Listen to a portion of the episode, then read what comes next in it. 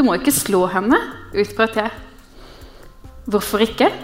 Mohammed smilte anstrengt. Det er vår kultur.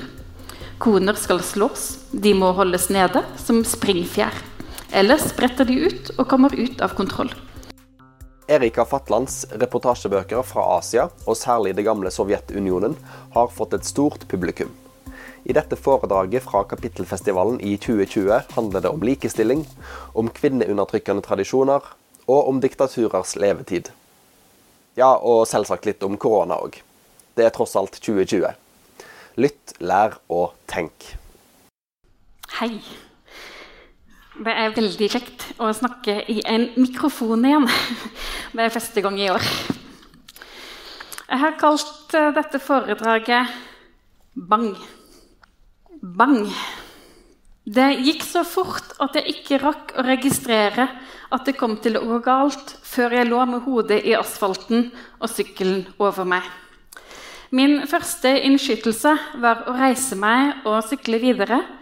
Men eh, tre veiarbeidere i gule vester kom styrtende til og ringte sporenstreks 113. Disse kjekke karene passet på meg til ambulansen kom. En av dem låste sykkelen min for meg. En annen lot meg sitte på jakken sin. Minutter senere var ambulansen der, og en snill sykepleier fulgte meg til legevakten, der en annen snill sykepleier tørket blod og elendighet, før en vennlig lege kom med bedøvelsessprøyte og nål og tråd.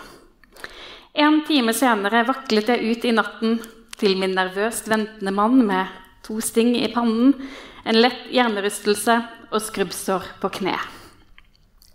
Og hele tiden hadde jeg vært uh, omgitt av vennlighet, omtanke, profesjonalitet og velferdsstatens trygghet. Slik er verden for det meste. Verden er bedre enn sitt rykte. Folk er stort sett snille. Det vanligste spørsmålet jeg får under foredragene jeg holder, er om det ikke er farlig å reise rundt i verden alene som kvinne. Og legger folk gjerne til særlig til de stedene du reiser. Du må være veldig modig som reiser alene rundt slik, sier folk, tror folk. Eller som enkelte legger til gal. Det siste skal jeg ikke ta stilling til, men jeg er ikke egentlig spesielt modig. Det vil jeg ikke ha sittende på meg.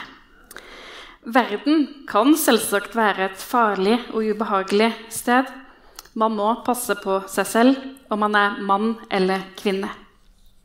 Men det er ikke spesielt mye farligere å rusle gatelangs i Pyongyang, Ashgabat eller Tashkent enn i Oslo eller Stavanger. Kanskje tvert om. Diktaturer er nemlig de tryggeste stedene på kloden å reise til. I diktaturer er det politifolk og kameraer overalt. Og all kriminalitet utøves av presidenten og hans nærmeste familie. Ofte går folk automatisk ut fra at det må være en ulempe å reise alene i verden som kvinne. De tar feil. Det er en enorm fordel. Mannlige reisende får mange steder bare møte halvparten av befolkningen. Kvinnene forblir skjult bak lukkede dører.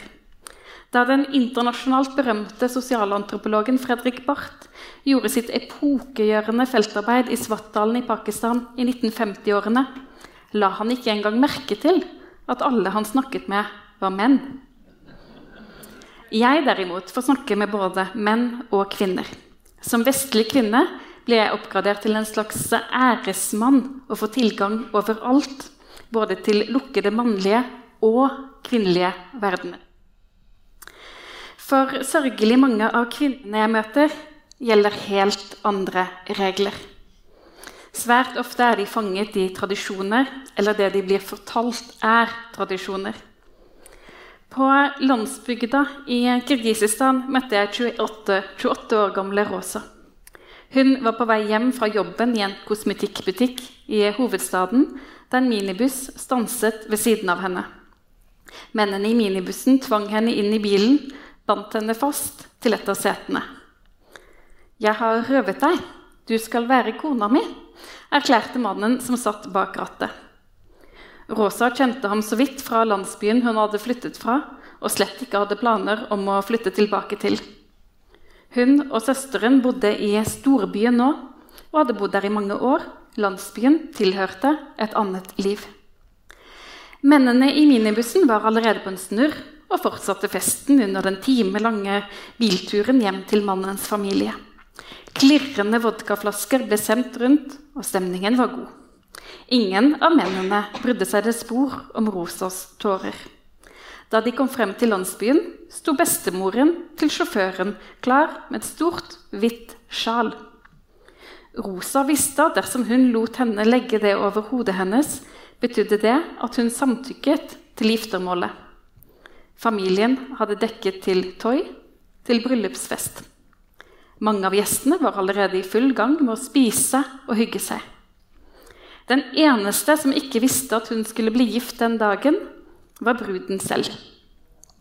Rosa hadde ikke lyst til å gifte seg. Hun var fornøyd med livet i Bishkek, og dessuten likte hun ikke mannen som hadde bortført henne. Han var ikke hennes type i det hele tatt. Grov, ubehøvlet, alt annet enn pen. Han var fem år eldre enn henne og jobbet i bygningsbransjen. Likevel lot hun bestemoren legge det hvite sjalet på hodet hennes. Jeg var trett av å gråte, forklarte Rosa meg. Da jeg møtte henne, hadde hun vært gift med mannen som bortførte henne i sju år, og de hadde to barn sammen. De første årene hadde hun fantasert om skilsmisse, men nå hadde hun resignert og godtatt sin skjebne. Som hun sa, 'Jeg har ingen jobb, ingen utdannelse, ingen egne penger.' Hvor skulle jeg ha gjort av meg?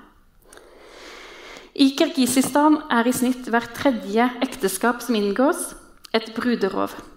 Skikken kalles Allah kachu, grip og løp. Nesten 12 000 kvinner blir bortført og tvunget inn i ekteskap hvert eneste år. Det tilsvarer én kvinne hvert 40. minutt. For mange av disse er bryllupsnatten i praksis en voldtekt. Bang! Fra det ene øyeblikket til det neste er livet snudd på hodet.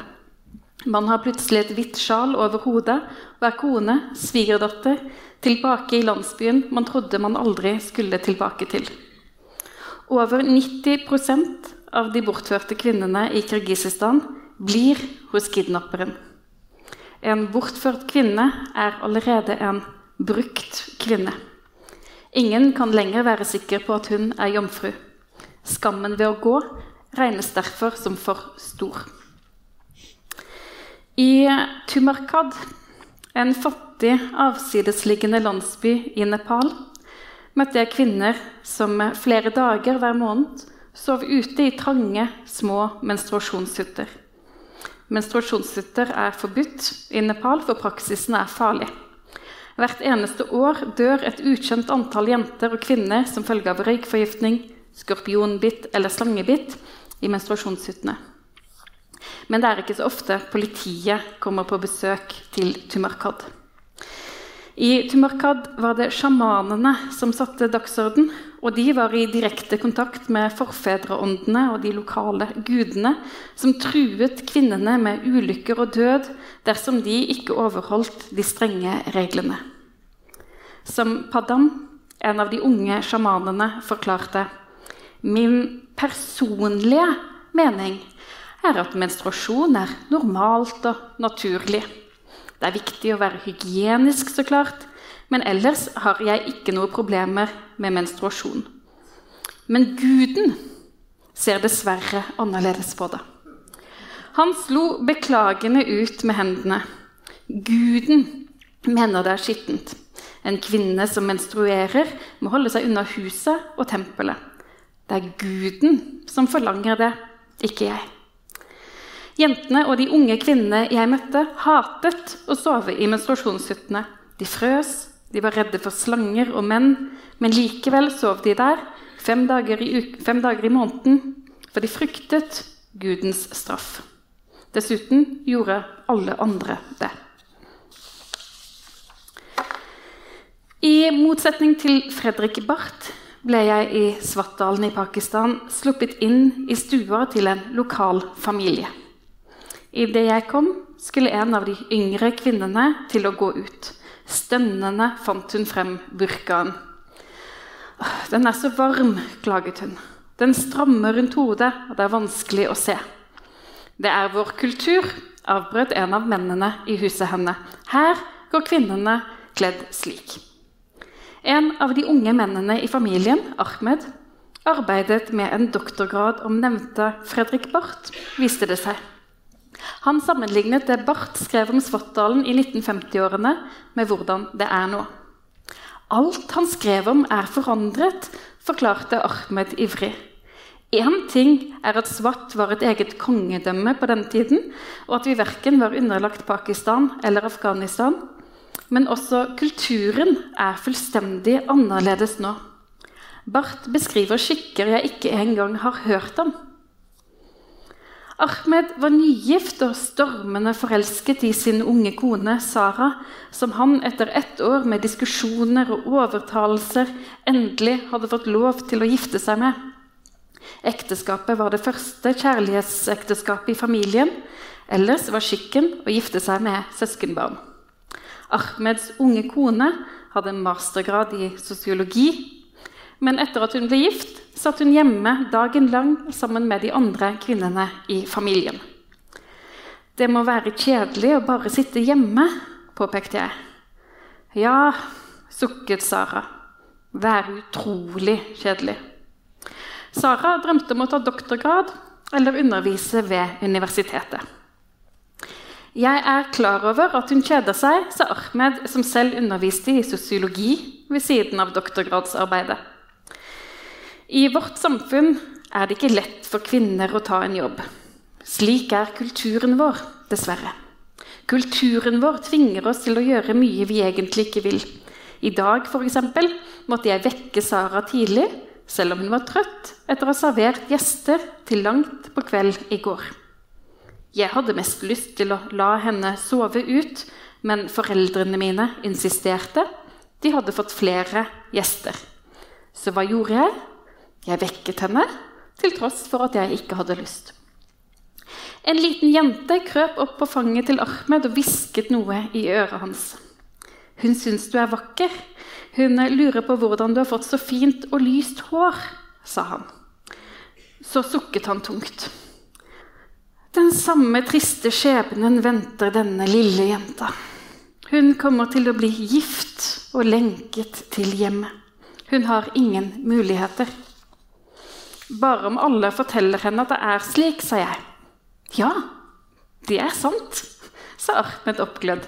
Jeg skal si til henne at hun må få seg en utdannelse og ta seg en jobb. Eh, kanskje du kan begynne med å la Sara få jobbe, foreslo jeg. Ahmed lovet det, og Sara lyste opp. Vi ble enige om at jeg skulle ta kontakt igjen om et år for å høre hvordan det hadde gått.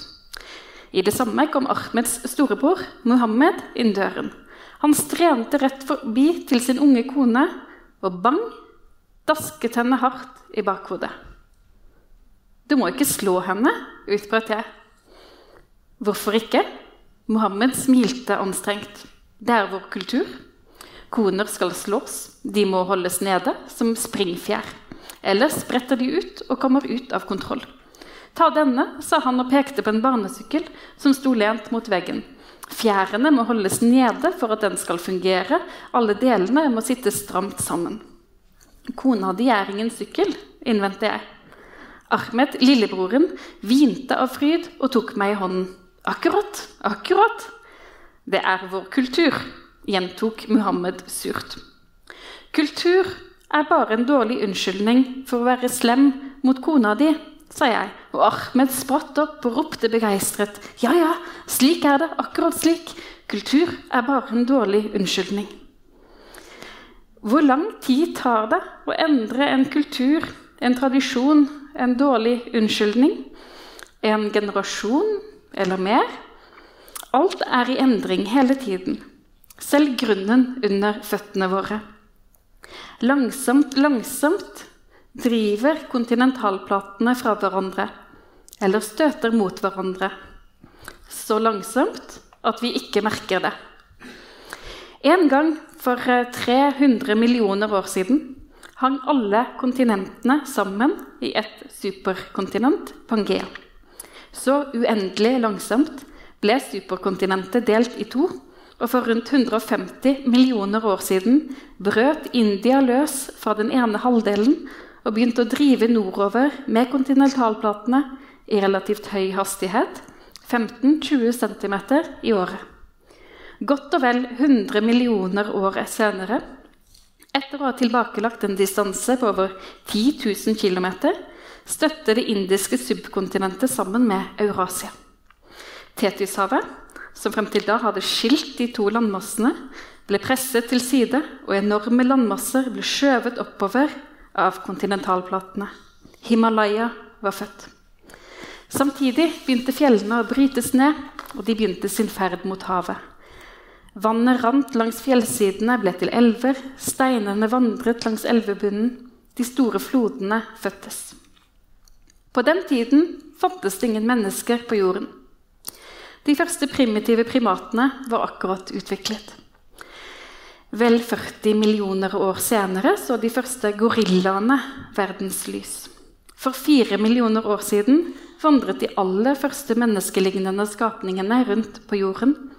Men de første menneskene av vår rase, Homo sapiens, sprang ut av evolusjonen først for rundt 200 000 år siden. Et blunk i geologisk sammenheng. Så gikk årene, for ikke å si årtusendene, og vi vet ikke helt hva de første menneskene bedrev. Men de likte antagelig å drive med handel og pynte seg, akkurat som oss. De første bevisene på langdistansehandel går 140 000 år tilbake. Verdens eldste kjente smykke, laget av skall fra strutseegg, er 110 000 år gammelt. Så gikk årtusenene, og det skjedde ikke stort før utviklingen skjøt fart for rundt 50 000 år siden. Menneskene begynte å organisere seg, begynte å begrave sine døde rituelt, laget klær av skinn, og de utviklet sofistikerte jaktmetoder. Årtusenene gikk, og så skjøt plutselig utviklingen fart igjen. For 10 000 år siden begynte de første menneskene å dyrke jorden. De slo seg ned i landsbyer, ble bofaste. Og omtrent samtidig begynte de å ha hunder som husdyr. De eldste skrifttegnene vi kjenner til, er 5000 år gamle. Verdens eldste sivilisasjon, sumererne i Mesopotamia, er 4000 år. Og så begynte alt å skje veldig raskt. Selv, selv jeg føler meg nå ofte gammel i møte med de unge som bare har sett fasttelefoner på Teknisk museum, og som tror telefonkiosker er et slags nødly mot plutselig regnvær. Kulturene rundt oss utvikler seg i kvantesprang, og samfunnet Fredrik Barth beskrev i svart, finnes ikke lenger. Hvor lang tid tar det å endre en tradisjon, en vane, en generasjon, et tiår? I Nepal var det tegn til bedring. Flere av kvinnene jeg hadde møtt, hadde møtt eh, representanter for frivillige organisasjoner, og de fødte ikke lenger i fjøset slik sjamanene hadde truet dem, til tidligere, men inne i huset. En av sjamanene jeg snakket med, hadde, etter oppfordring fra myndighetene, redusert antall dager kvinnene måtte sove i de ulovlige menstruasjonshyttene, fra ni dager til fem dager. I Kirgisistan er det vedtatt strenge straffer mot bruderov. Tidligere risikerte mennene kun en bot på rundt 11 000 kroner det var strengere straff for å stjele en sau. Etter hard lobbyisme fra ikke-statlige organisasjoner er straffen hevet til sju års ubetinget fengsel. Flere av mennene jeg møtte, klaget over at det var blitt så urimelig vanskelig å skaffe seg en kone. Hva om mannen er sjenert og ikke våger å snakke med kvinner? innvendte en av dem bekymret. Hvordan skal han nå bli gift? Et år etter møtet med Ahmed og Sara tok jeg kontakt igjen, som lovet, for å høre om Ahmed hadde holdt løftet sitt og latt Sara få jobbe. Jeg fikk aldri svar. Folk sitter ikke bare fast i undertrykkende tradisjoner, men også i undertrykkende regimer. De fleste menneskene jeg møter på reise, er stort sett snille og hjelpsomme. De vet ikke hva godt de skal gjøre for en gjest som er kommet langveisfra. Men regimene jeg reiser rundt i, kan være direkte onde. Å liste opp alle verdens undertrykkende regimer ville vært en utmattende øvelse. Jeg skal derfor konsentrere meg om ett, det største av dem alle. Ingen vet hvor mange uigurer som har vært holdt fanget i statlige interneringsleirer uten lov og dom i den kinesiske provinsen Xinjiang, eller hvor mange som fremdeles sitter bak lås og slå. Estimatene varierer, men de fleste anslår at minst én million uigurer, dvs. Si én av ti, har vært eller fremdeles sitter fanget i disse leirene som kinesiske myndigheter ynder å kalle yrkesutdannelsessentre, men som mest av alt minner om konsentrasjonsleirer. Det er vanskelig å få informasjon om hva som skjer innenfor murene, for uavhengige journalister eller observatører slipper ikke inn, men tidligere fanger rapporterer om isolasjon, fysisk avstraffelse, voldtekt, tvangssterilisering og organhøsting, og nå også uttesting av vaksine mot covid-19. Aldri noe sted har jeg sett så mange politifolk og overvåkningskameraer som i Silkeveibyen Kashgar, en av de største byene i Xinjiang-provinsen. Det var politi og sjekkposter overalt. Bare man skulle krysse gaten eller gå inn i gamlebyen, måtte man vise legitimasjon. Det vil si, jeg måtte ikke vise legitimasjon. De kinesiske turistene slapp også. Kontrollen gjaldt bare den viguriske lokalbefolkningen.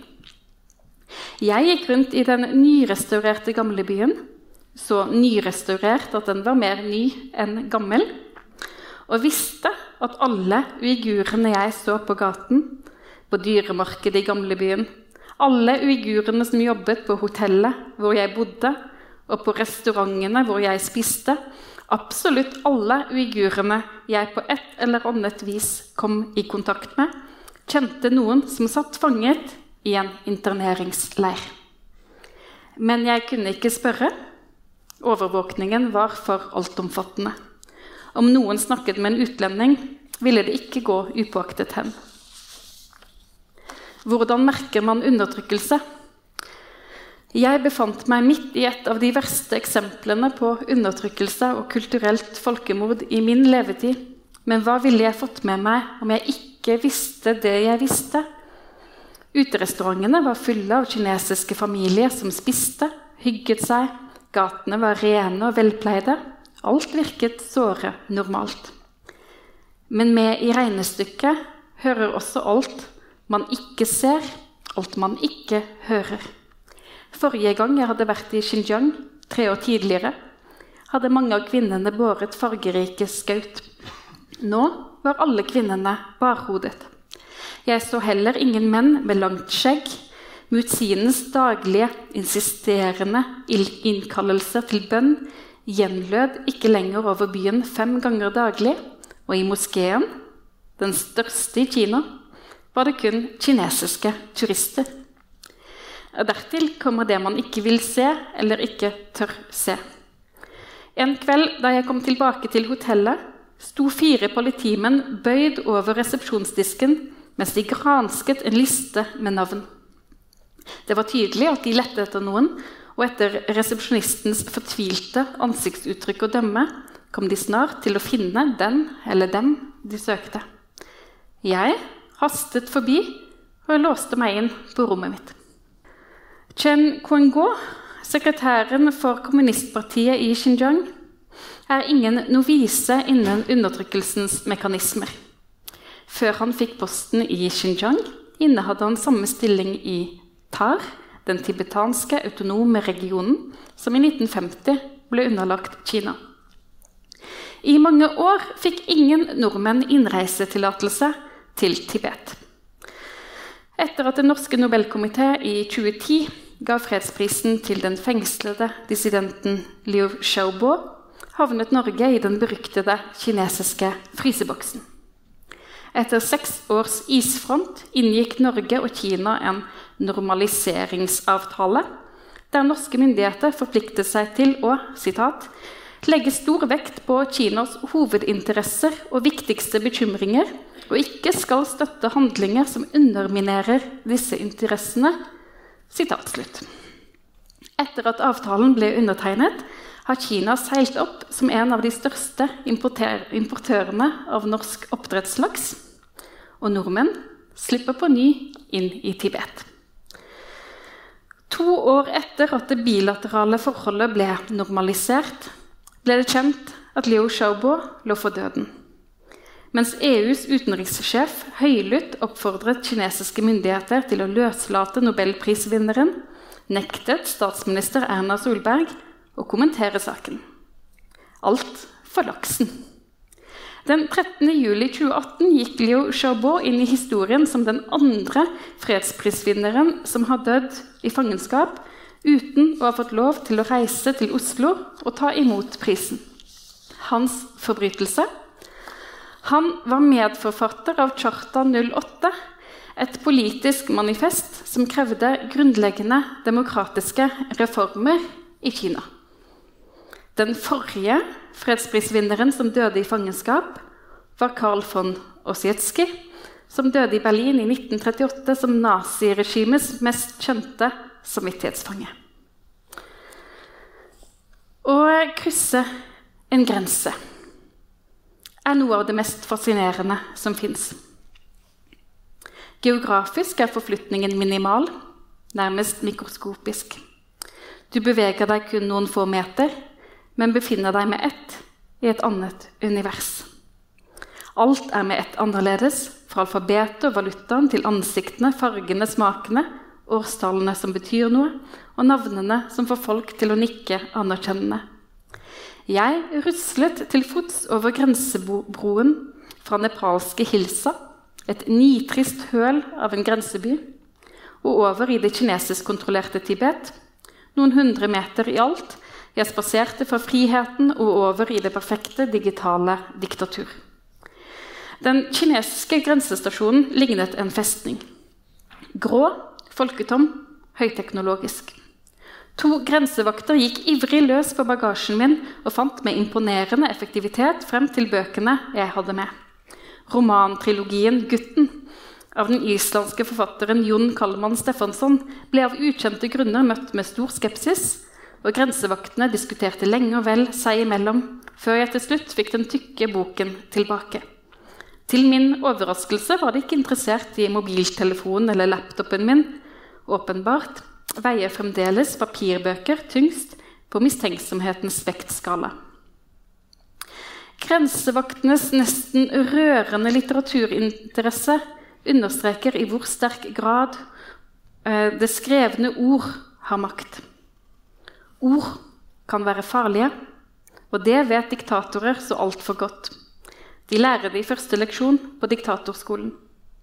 Noe av det første diktatorspirer gjør, er å ta kontroll over ord og ytringer.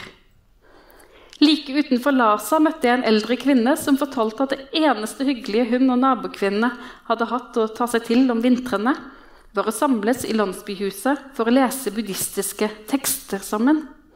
Men det fikk de ikke lenger lov til. På en annen reise, i en liten landsby i Nord-Nord-Korea, kom en av vertene løpende i full fart idet vi skulle til å ta plass i minibussen. I hånden holdt han en pakketbok. 'Hvem har glemt denne?' spurte han stresset. 'Den er min, men jeg har lest den ferdig. Du kan bare kaste den', svarte en nederlandsk turist. 'Det er nok best du tar den', sa nordkoreaneren. Vi trenger den ikke lenger, det er bare å kaste den, gjentok nederlenderen. Det er best du tar den, insisterte nordkoreaneren og dyttet boken på turisten. Boken det var snakk om, var en av Ken Folletts thrillere. Neppe en bok som kunne ha veltet regimet. Men bedre føre var. De tok ingen sjanser.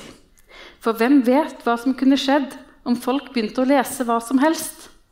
Det kunne jo hende at de begynte å tenke selv hjulpet av Ken Follett. Hvordan merker man undertrykkelse? I Tibet var den ikke spesielt vanskelig å få med seg. For hvert minste lille tempel vi skulle besøke, behøvde vi egen tillatelse. Nesten alle templene var uansett blitt ødelagt under kulturrevolusjonen. Av Tibets over 6000 templer og klostre sto bare 13 igjen i 1976, da ødeleggelsesvanviddet omsider hadde ebbet ut. I dag er Tibet mer kontrollert enn noensinne.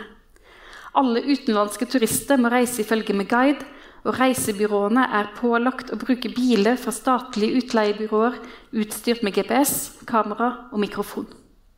Ikke engang i bilen kunne vi altså tale fritt. Og slett ikke utenfor. Det var kameraer og årvåkne ører overalt.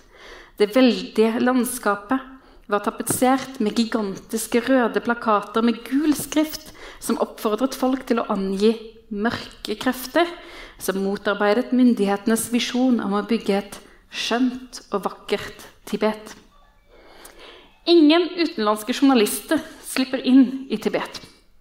Nesten ingen tibetanere slipper ut. Undertrykkelsen og kontrollen er perfeksjonert gjennom mange tiår. Flere av tibetanerne jeg møtte, var likevel forsiktige optimister. Vi buddhister tror på forgjengelighet, forklarte en. Ingenting er evig, alt er i forandring. I Europa hadde dere Romerriket, det østerrikske imperiet, det russiske imperiet, det britiske imperiet osv. Ingen av disse imperiene finnes lenger. Det Kina vi kjenner i dag, vil ikke være slik for alltid. Det Kina vi kjenner i dag, ville dessuten ikke vært like mektig og rikt dersom myndighetene i andre land utviste mer ryggrad. Det er skammelig hvordan vår egen regjering kryper for det kinesiske diktaturet. Vi, av alle, vi som har råd til å la det være. I stedet lar våre politikere Dalai Lama gå inn sidedøren til Stortinget og inngår pinlige normaliseringsavtaler mens de smiler som glade lakser. Ja, vår folkevalgte regjering ofrer sin moralske og demokratiske integritet for å selge oppdrettslaks, som uansett bare ødelegger fjordene våre, og som bare beriker noen få laksebaroner, til den voksende kinesiske middelklassen. Kinesiske myndigheter har for lengst skjønt at man ikke lenger erobrer verden med krigsskip og skytevåpen. Hvorfor bombe det man kan kjøpe? Hvorfor underlegge seg andre stater med makt når man i stedet kan selge billigst på markedene deres? Våpenet mot en slik krigføring er såre enkel. Boikott. Full handelsboikott. Men våre egne politikere svømmer rundt og rundt i handelsbalansens merder, mens de behendig lukker øynene for de to kulturelle folkemordene som foregår midt for øynene på dem. Det sies at verden blir mindre og mindre. Men verden er like stor som den alltid har vært. 510 millioner og 72 000 kvadratkilometer. Det er bare det at flere og flere middelklassemennesker reiser til akkurat de samme stedene. Det er heller ikke sant at vår globaliserte verden blir mer og mer grenseløs. Tvert imot. Grensene og stengslene har trolig aldri vært så rigide som de er nå. Ordet kvoteflyktning sier alt om dagens grenser. Bare et nøye utregnet antall spesielt trengende slipper kanskje over våre godt voktede grenser. Det er ikke bare i Europa grensekontrollene er blitt mer rigide. For 80-90 år siden gikk det karavanerute på kryss og tvers av Himalaya.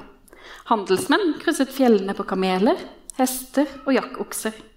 I dag er det bygget asfaltveier i høyfjellet, og det er blitt mye enklere og langt mer behagelig å forflytte seg. Men moderne reisende møtes, eller stanses, av sure grensevakter og kompliserte visumregler. Etter delingen av India og Pakistan i 1947 og etter Kinas annektering av Tibet på 1950-tallet ble grensene hugget i stein, for ikke å si i stål, og de gamle handelsrutene døde ut. Vi nordmenn, derimot, er velsignet med et pass som gir innpass nesten overalt. I alle fall frem til nå. Bang! I midten av mars stengte verden. Et lite virus hadde skylden, og et virus er virkelig en bitte liten sak. En vanlig liter sjøvann rommer omtrent tre milliarder virus av forskjellige slag. Nå er verden blitt mindre for oss alle, om enn midlertidig. Normaliteten var brått borte. Men hva er egentlig normalitet? Vi forveksler vaner med normalitet. Vanene blir opphøyd til tradisjon og kultur. Det er imidlertid lite ved vår livsførsel som er bærekraftig eller normal. Men det er tema for en hel foredragsrekke i seg selv. Så la oss vende kort tilbake til viruset. Diktatorer frykter ikke bare det skrevne ord, men også mikrober. På kartet over registrerte smittetilfeller av covid-19 i verden lyser Turkmenistan, et av verdens verste diktaturer, opp som en hvit, jomfruelig flekk på kartet. Til tross for at landet har over 1000 km grense mot Iran, et av landene som er hardest rammet av pandemien. Da myndigheter i resten av verden stengte skoler og butikker og innførte strenge bortforbud, fjernet man i Turkmenistan like så greit ordet 'koronavirus' fra alle offisielle helsebrosjyrer. I stedet for å hamstre smittevernutstyr og oppgradere sykehuskapasiteten, beordret president Gurbanguly Berdi Mohammedov, bedre kjent som Arkadag, beskytteren, at offentlige steder regelmessig skulle desinfiseres med røyken fra peganum hermala, syrisk vinrot, en plante som tradisjonelt er blitt brukt i turkmenske ritualer. Og mens man i nesten alle andre land har innført strenge restriksjoner på folkeansamlinger og avlyst alle store offentlige arrangementer i overskuelig fremtid, gikk den årlige feiringen av Hestens dag som planlagt av stabelen siste helgen i april, med et publikum bestående først og fremst av tusener av utkommanderte tilskuere. Etter nøye vurderinger og lange diskusjoner landet juryen også i år på å tildele førstepremien for Turkmenistans vakreste hest til en av presidentens hester. Hvorfor er diktatorer så redde for å tape ansikt? Hvorfor knytter de sammen smittespredning og prestisje? Viruset har rammet hele verden. Rik som fattig, snill som slem. Likevel forbinder diktatorer åpenbart smitten med svakhet og velger derfor den barnsligste av alle løsninger fornektelse. Et virus er vanskelig, nær sagt umulig å kontrollere. Derfor skyr diktatorer pandemier som, ja, som pesten. For på diktatorens vakt må ingenting gå galt. At alt fungerer best, ja, prikkfritt, rolig og makeløst med den sterke mann i ledelsen, er jo selve diktaturets raison d'être, selve dets eksistensberettigelse, eneveldets eneste forankring i den befolkningen det undertrykker. Også Aleksandr Lukasjenko, Hviterusslands diktator, reagerte med fornektelse. Lukasjenko hevdet hardnakket at ingen døde av korona i hans land, og anbefalte vodka og badstue som motgift mot viruset. Hviterussisk fotball fikk internasjonal oppmerksomhet ettersom hviterussiske fotballag i en periode var de eneste som fremdeles spilte kamper på toppnivå. Og I motsetning til nabolandet Russland gjennomførte Hviterussland storstilt markering av seiersdagen 9. mai med militærparade og titusener av mennesker i gatene. Nå er det ikke lenger krigen men diktatoren selv som trekker hviterussere ut i gatene i titusentall. Etter 26 år under Lukasjenkos autoritære styre har det hviterussiske folk fått nok. De ønsker å bo i et fritt demokrati og velge sin egen leder. Ikke et urimelig ønske. Alle regimer og imperier faller til slutt. Ingen diktator sitter evig. Men de klamrer seg alle til makten så lenge de bare kan. Naturlig nok. Hvor skal de vel ellers gjøre av seg? Det er ikke første gang hviterusserne demonstrerer mot regimet, men aldri har de vært så mange.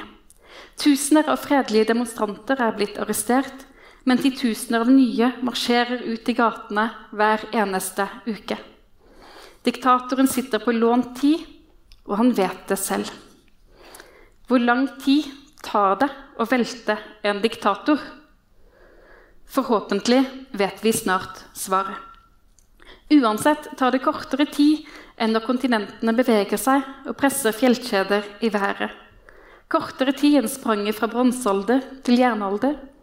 Kortere tid enn å bevege seg fra bondesamfunn til informasjonssamfunn Ofte tar det ikke stort lenger enn når en sykkel uventet velter. Bang. Bertolt Brecht skriver i 'Sangen om Moldau', her i gjendiktning av årets hundreårsjubilant Jens Bjørneboe. Og tidene veksler. De veldige planer skal briste som mektige menn har lagt. Og selv om de spradet som blodige haner, har tidene vekslet, da hjalp ingen makt. På bunnen av Moldau har stenene vandret, tre keisere ligger begravet i Prag.